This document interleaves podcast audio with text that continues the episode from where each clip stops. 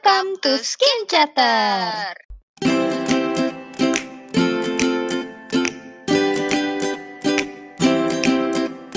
Halo, Halo semuanya, ketemu lagi dengan Disas. dan Kimiko di episode 2 Episode Skin dua. Chatter Podcast. Wuhuu. Sesuai dengan preview minggu lalu, minggu ini kita akan ngebahas topik tentang suplemen. Nah, di episode 2 ini kita akan pertama nih ngebahas apa itu suplemen, terus apa bedanya suplemen kesehatan sama kecantikan. Terus kita juga bakal ngebahas jenis-jenis dan fungsi-fungsi masing-masing suplemen. Jadi kalau kalian ada yang penasaran tentang bahan-bahan suplemen yang pernah kalian dengar misalnya kayak gluta, kolagen, vitamin C, vitamin E, biotin. Nah, nanti kita akan bahas semuanya satu Macam-macam. persatu. Nah, kemudian kita juga akan cari tahu apa itu AKG atau angka kecukupan gizi. Dan paling bawah tentu aja kita akan ngebahas tentang produk-produk yang pernah kita pakai. Yeay, itu kan Yo. paling seru. Nah, terus Kak, pertama kita langsung bahas ya. Suplemen itu sebenarnya apa sih definisinya? Aku udah mencari tahu nih di KBBI atau Kamus Besar Bahasa Indonesia, apa sih arti sebenarnya dari suplemen?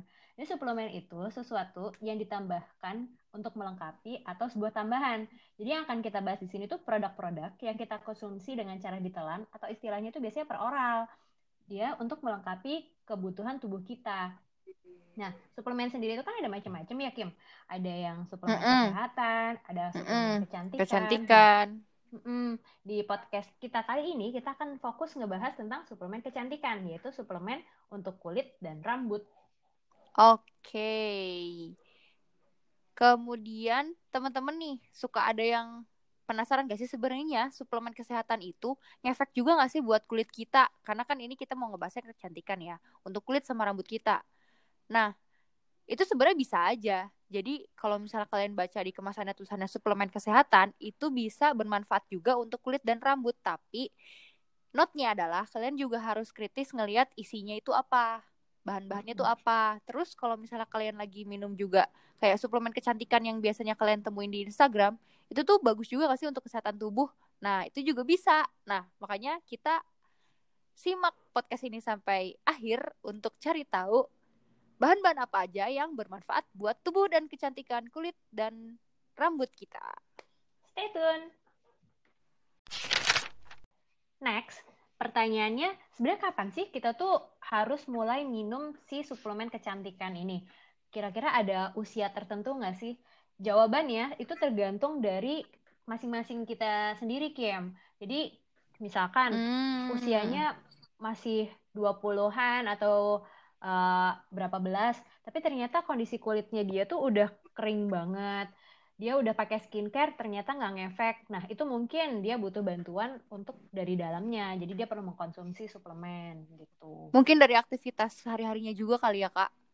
Iya, bisa pasti itu ngaruh sih secara nggak langsung. Kayak misalkan dia ternyata sering berolahraga di luar, sering beraktivitas di bawah sinar matahari, itu pasti otomatis akan Mm-mm. mempengaruhi kondisi kulit kan ya.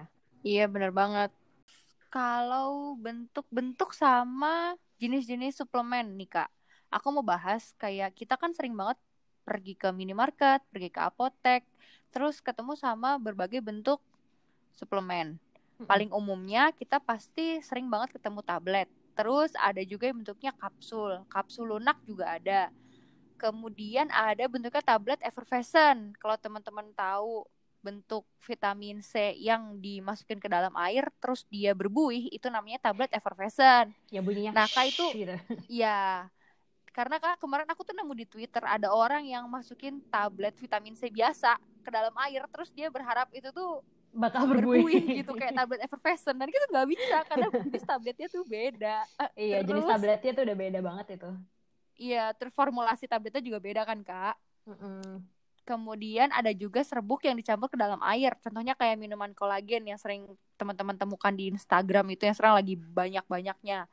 Kemudian ada juga vitamin atau suplemen yang ready to drink. Jadi kayak nggak usah diapa-apain langsung aja minum. Ada juga yang bentuknya gummy. Biasanya ini untuk anak-anak. Nah, terus jenis mana sih sebenarnya yang paling bagus sama yang kita butuhin? Kalau jenis mana yang paling bagus sebenarnya dari perusahaan itu sebuah zat buat dijadiin suplemen pasti udah disesuaikan dengan dia tuh mau dibikin jadi bentuk apa gitu.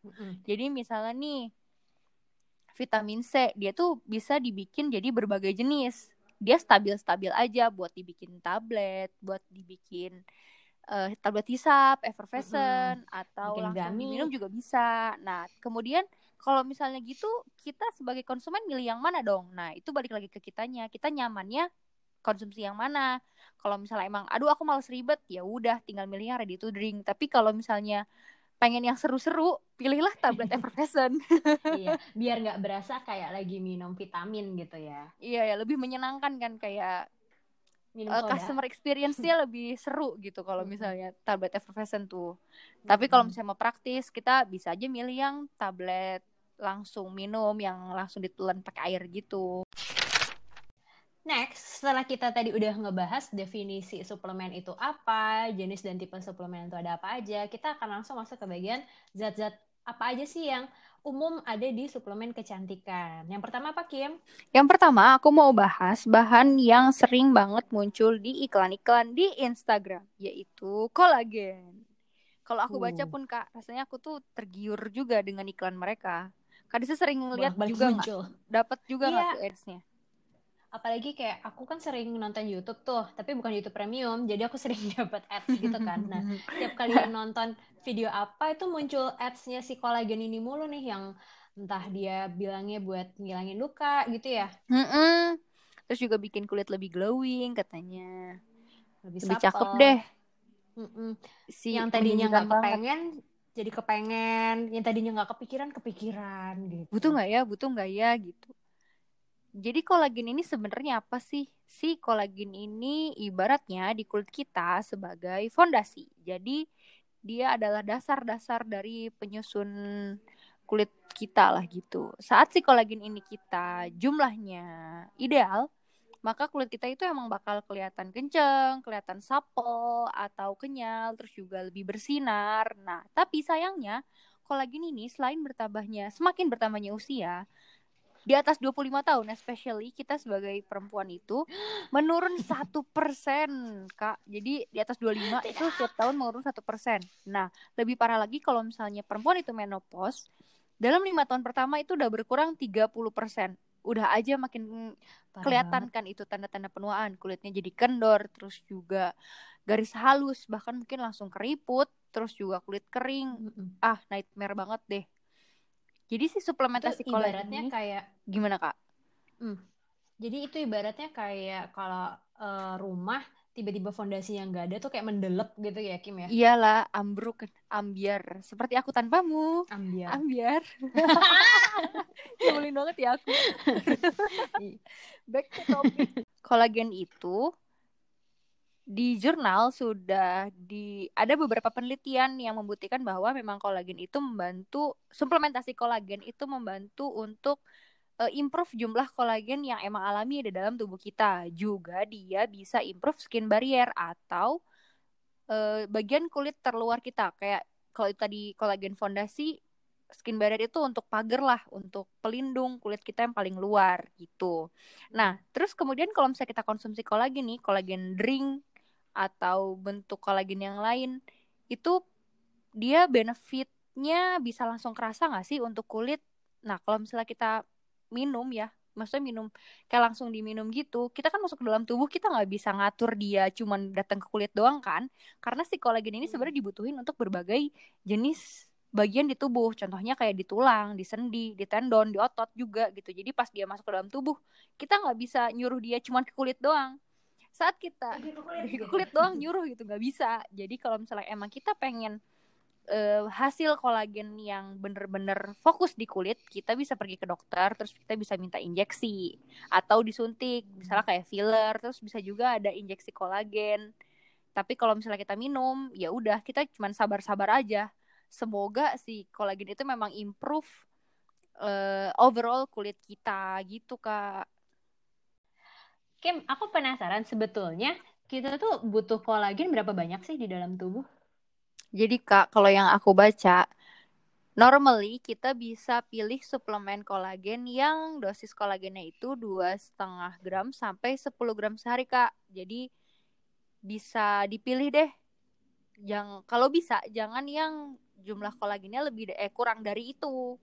Dan carinya yang ada di range itu aja. Karena kayaknya sih ada beberapa produk yang emang di luar sana dia jual kolagen tapi dia nggak nyantumin atau sebenarnya kolagen yang ada di terkandung di produknya itu nggak sebanyak itu. Hmm. jadi pinter-pinter kita untuk milih sih untuk milih produknya. Hmm, oke Selanjutnya, zat aktif kedua yang juga sering muncul ada di suplemen kecantikan itu glutathione. glutathione ini pasangannya si kolagen ya kak tadi yang aku bahas Mm-mm. Sering banget ada barengan gitu. Nah, glutathione itu sebenarnya apa? Dia tuh antioksidan yang ada di, hampir di seluruh sel di tubuh kita. Fungsinya antioksidan itu untuk menangkal radikal bebas yang mau ngerusak sel-sel di tubuh. Mm-mm. tapi biasanya glutathione buat pemutih-pemutih juga kak Iya benar. Kalau di suplemen tuh dia biasanya klaimnya sebagai pemutih atau brightening. Cuma nih Kim, aku tuh udah nyoba cari beberapa jurnal. Mm-mm. Aku belum menemukan uh, sebenarnya mekanisme si glutathione ini untuk memutihkan kulit itu seperti apa. Tapi Mm-mm. memang berdasarkan si studi-studi itu yang aku temukan ada terhadap 20 dan terhadap 60 orang yang mengkonsumsi glutathione 500 mg sehari. Mereka itu memang mampu menurunkan jumlah melanin atau pigmen warna kulit. Tapi kenapanya itu tuh belum jelas gitu loh. Hmm, tapi sebenarnya terbukti ya kak di uji klinis itu di yang uji terhadap orang langsung, tapi mekanismenya masih belum ditemukan ya. Mm-mm. Terus uh, ada permasalahan juga tuh di bagaimana cara mengkonsumsinya. Jadi kalau di studi-studi itu tuh mereka juga bingung sebenarnya glutathione itu kan kalau dikonsumsi secara oral atau diminum itu absorpsinya nggak begitu bagus. Mm-mm. Jadi m- misalkan yang diminum 100 itu belum tentu 100-100-nya yang keserap di oleh tubuh di kita tubuh gitu. ya. Mm-mm, Tapi kalau misalkan pakai suntikan, itu ada studi yang menunjukkan infus 1200 mg dalam 30 menit, itu tuh justru bisa menyebabkan kerusakan si liver atau hati kita. Jadi ya masih perlu penelitian lebih lanjut lah. Selanjutnya masih nyambung nih sama si zat aktif glutathione yang fungsinya brightening-brightening, yaitu vitamin C. Kalau vitamin C tuh kita seringnya main Kesehatan. kesehatan gak sih kak? Iya. Mm-mm. Kalau untuk kulit biasanya kita vitamin C suntik atau di serum vitamin C. Iya benar. Tapi biasa eh, sebenarnya di suplemen kecantikan yang oral atau yang minum itu juga ada sih, tapi Mm-mm. dia biasanya nggak berdiri sendiri ya memang Mhm, Kombinasi ya. Mm-mm, kombinasi. Nah, kalau misalkan kita kan semua udah tahu ya vitamin C itu untuk sistem imun. Nah, kalau di kulit dia fungsinya apa? Ya sebenarnya sama sih, dia eh, antioksidan juga kayak glutathione, jadi dia bisa berfungsi sebagai brightening. Cuma sebagai tambahan lagi vitamin C itu bisa membantu untuk memproduksi kolagen. Kalau tadi Hmm, bersinergi. Mm-mm. Kalau tadi kita langsung minum kolagen, itu kita langsung minum fondasinya. Minum vitamin C itu Mm-mm. kayak minum semen yang membuat si fondasi itu gitu loh. Buat membangun ya. Mm-mm. Terus kak, kita kan biasanya nih nemu nih ya, vitamin C itu ada yang 1000 mg, ada yang 500 mg, ada yang 250 mg. Sebenarnya seberapa banyak sih yang harusnya kita konsumsi dalam sehari? Aku tuh sempat baca eh, untuk sebenarnya berapa sih AKG atau angka kecukup- kecukupan gizi vitamin C kita per hari. Ternyata nih, kalau untuk usia dewasa, kita tuh cuma butuh 75 sampai 90 mg vitamin C dalam sehari. Jauh banget Jauh ya. banget. jauh banget. Jadi eh, sebenarnya kalau untuk konsumsi sehari itu kita cukup mengkonsumsi seperti satu buah jeruk atau satu cangkir stroberi itu udah cukup memenuhi kebutuhan vitamin C kita. Nah, berarti kita kalau misalnya udah rajin-rajin minum, eh rajin-rajin makan buah, itu kita nggak butuh-butuh banget ya kak suplemen vitamin C itu. Karena Mm-mm. sebenarnya kalau misalnya kita konsumsi banyak kayak 1000 mg gitu tuh ya terus yang diserap cuman 70 sampai 90 mg kan sisanya berarti langsung dibuang ya Kak dalam dari tubuh. Mm-mm. Jadi di sini tuh yang kasihan tuh sebenarnya ginjalnya Kim. Kan Mm-mm. vitamin C itu larut air. Jadi dia dikeluarin dari tubuh dalam bentuk air atau urin. Nah, Mm-mm. yang memproduksi urin itu kan ginjal ya. Jadi kalau semakin banyak yang harus disaring sama ginjal, itu tuh ginjalnya bisa kecapean. Eh, berarti emang sebenarnya kalau misalnya kita minum suplementasi vitamin C dosis tinggi, kita harus diimbangi dengan banyak minum ya, Kak. Iya, benar. Selanjutnya kita akan membahas next item yaitu vitamin E. Vitamin E ini udah familiar banget sama teman-teman karena ide ditemukan di mana-mana. Di TV juga kita pasti sering lihat iklannya.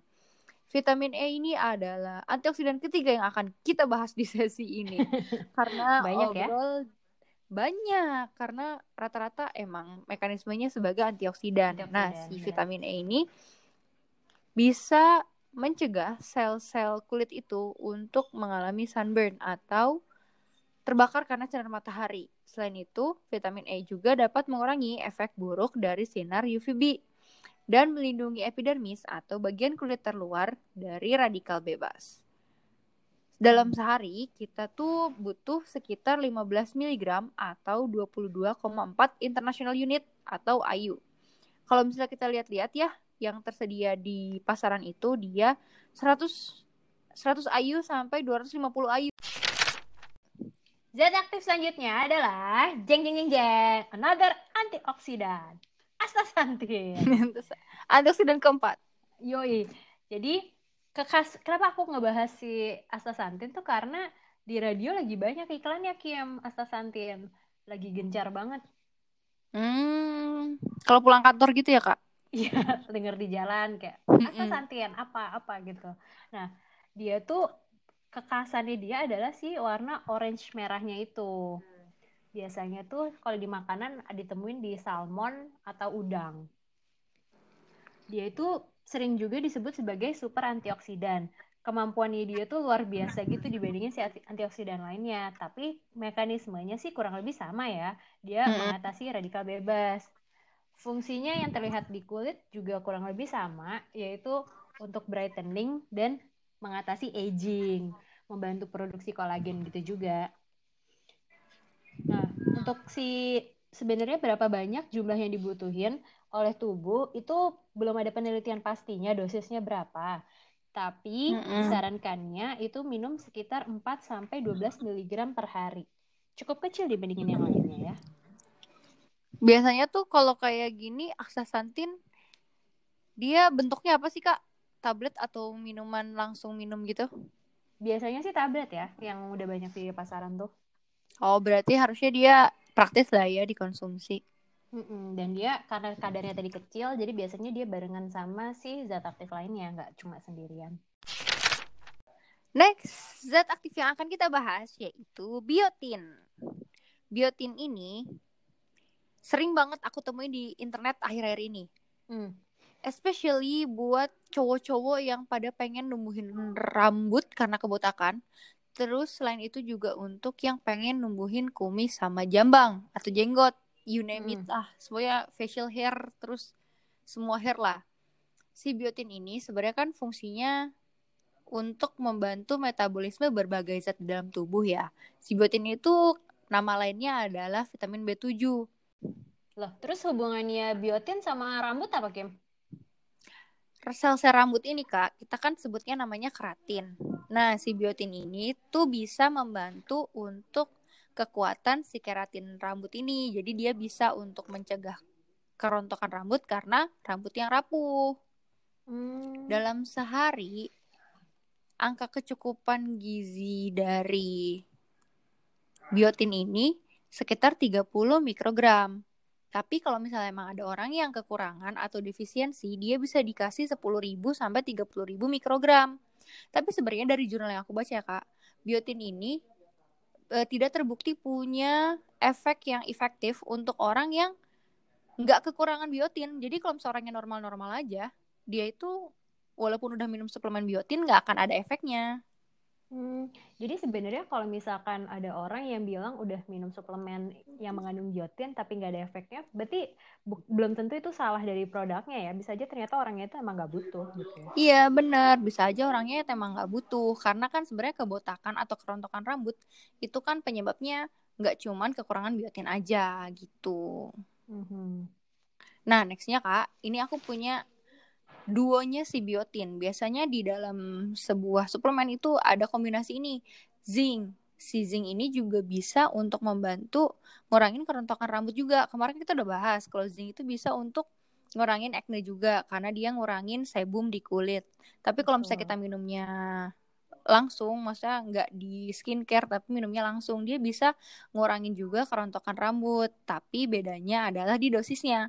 Karena dosis untuk kerontokan rambut yaitu 5 mg per kilogram berat badan per hari.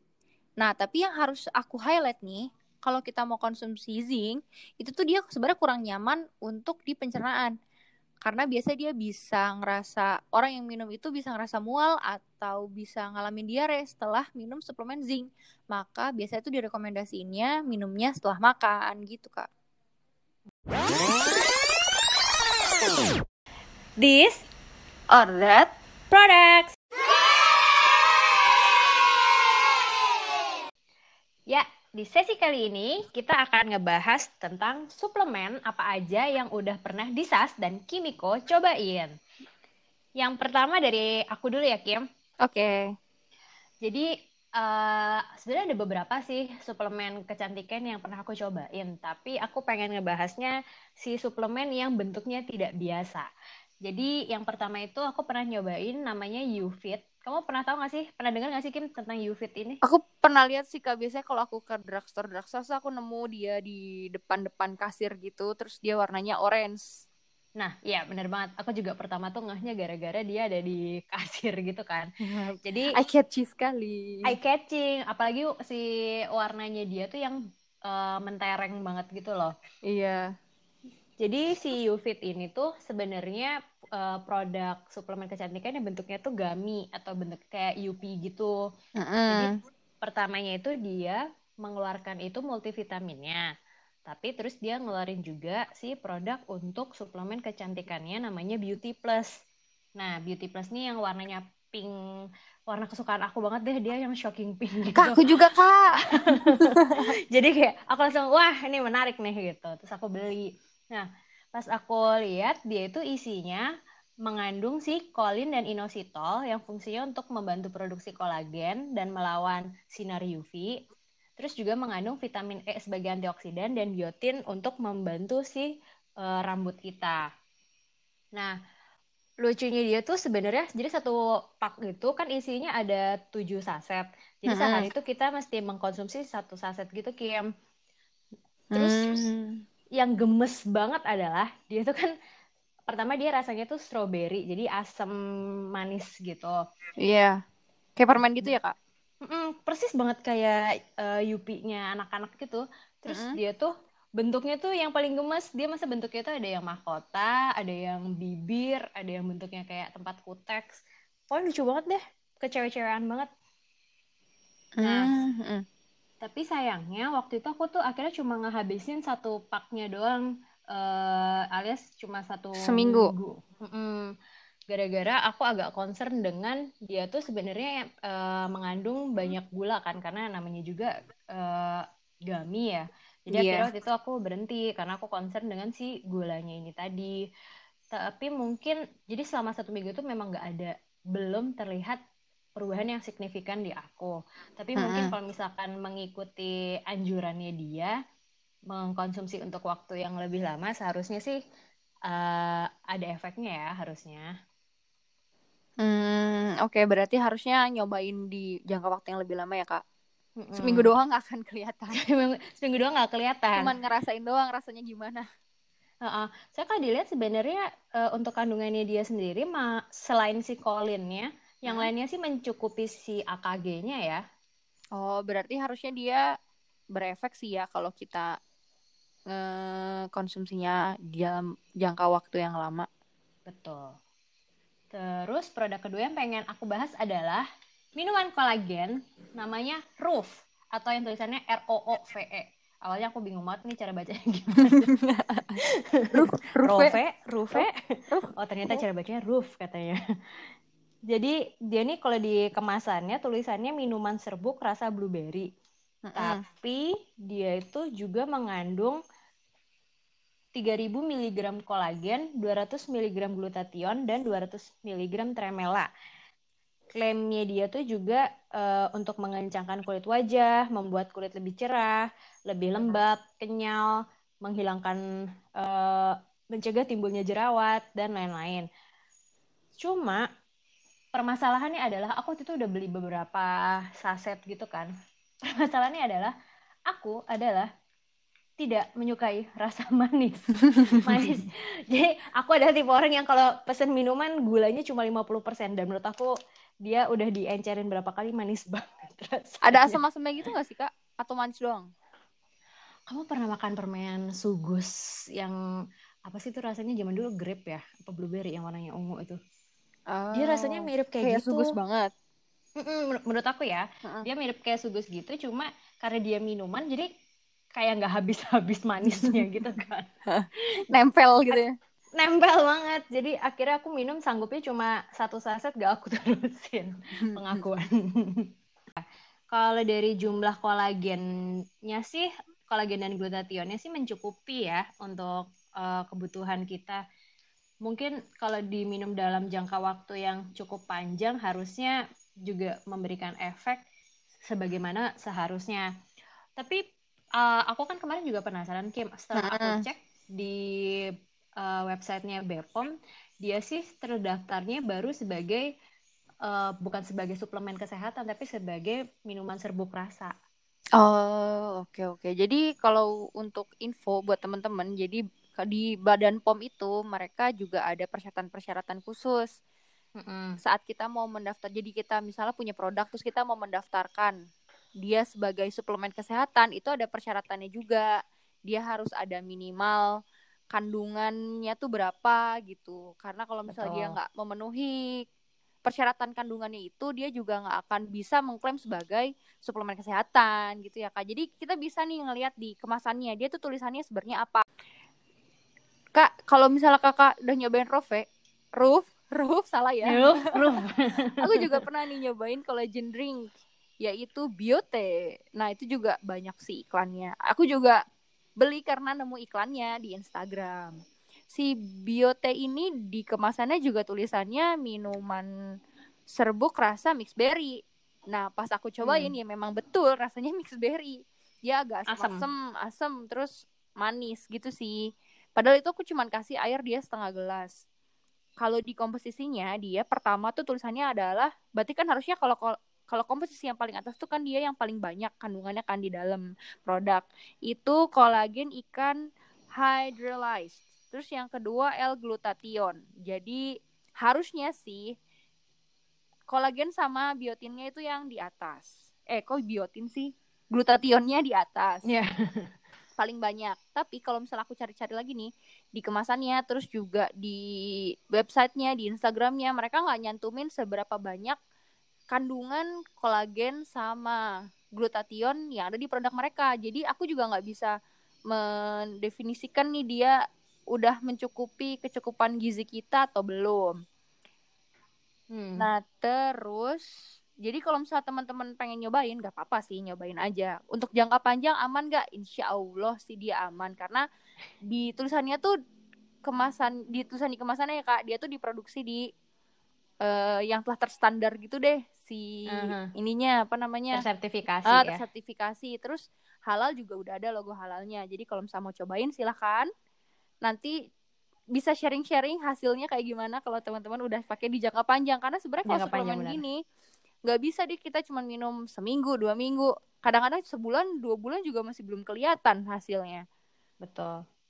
Harus diimbangi juga dengan makanan seimbang sih harusnya. Nggak cuman nggak cuman minum nggak cuman doang. suplemen doang benar iya terus kak yang selanjutnya aku tuh dulu pernah karena aku tuh kan bermasalah dengan rambut aku ya. Dulu tuh rambut aku tuh rontok banget terus tipis. Akhirnya aku tuh sempet pergi ke dokter kulit gitu untuk konsultasi rambut aku tuh harusnya diapain gitu. Akhirnya sama dokternya tuh aku dikasih suplemen namanya panhair. Si panhair ini pas aku lihat isinya adalah zinc dan beberapa protein yang emang dibutuhin oleh rambut. Aku minum hmm. si panhair ini sekitar dua bulan. Lama ya? Satu lumayan itu adalah sebuah prestasi bagi aku yang minum bisa sampai dua bulan karena aku biasanya angin-anginan terus itu tuh minumnya sehari dua kali habis makan karena emang si zincnya itu bikin perut aku nggak nyaman banget.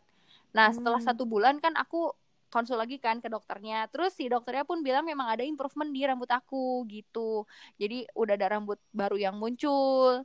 Terus juga rambut yang lama nggak mudah rontok dan lebih kuat gitu. Jadi kalau teman-teman ada punya masalah rambut pengen nyobain suplemen zinc bisa banget karena aku sih ngerasain memang dia ada efeknya. Cuman emang harus rajin, jangan seperti aku yang habis dua bulan terus udah Udahan.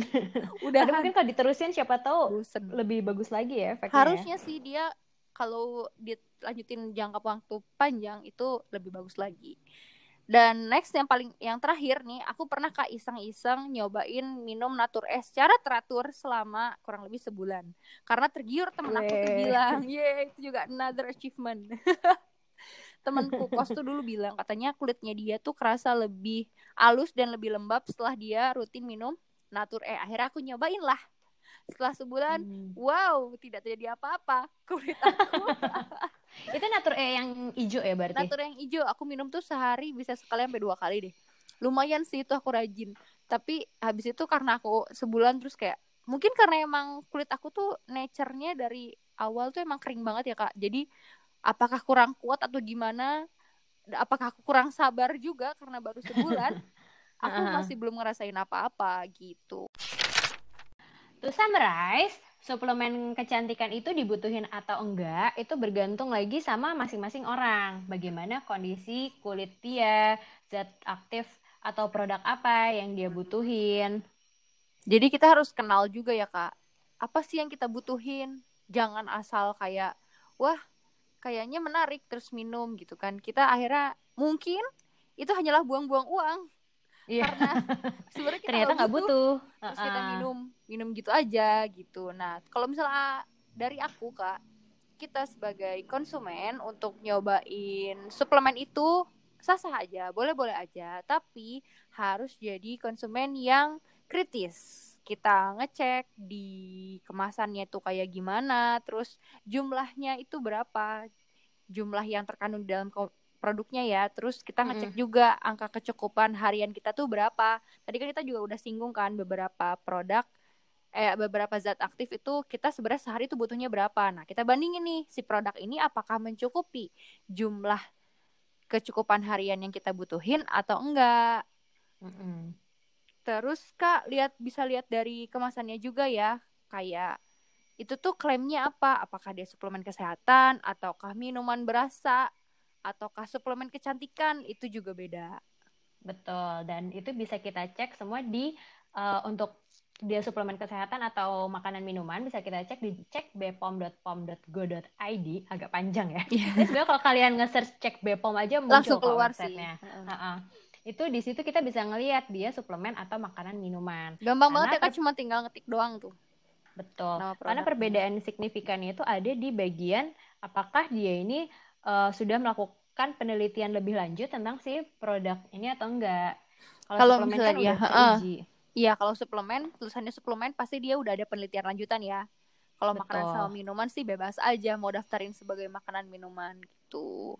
Terus kalau untuk keamanan sama kehalalannya, kalian bisa ngecek di kemasannya misalnya dia tuh diproduksi oleh eh, pabrik yang memang udah tersertifikasi atau belum. Terus juga untuk cek halalnya, kalian bisa lihat di logo halalnya atau kalian bisa search di websitenya MUI halalmui.go.id ya. Ya pokoknya halalmui.org. Oh, .org salah lagi saya. Tinggal search aja deh di Google langsung ketemu kok kalian kalau pengen Iya, cari betul. di halal atau enggak gitu. Untuk preview episode selanjutnya, apa nih Kim? Minggu depan mau bahas apa? Minggu depan kita akan membahas tentang produk-produk atau zat aktif atau ingredients apa yang harus diwaspadai hati-hati untuk kulit yang acne prone atau mudah berjerawat dan kulit-kulit yang berminyak. Betul. Kalau kalian ngerasa wow ini sepertinya permasalahan aku, harus nungguin podcast kita minggu depan.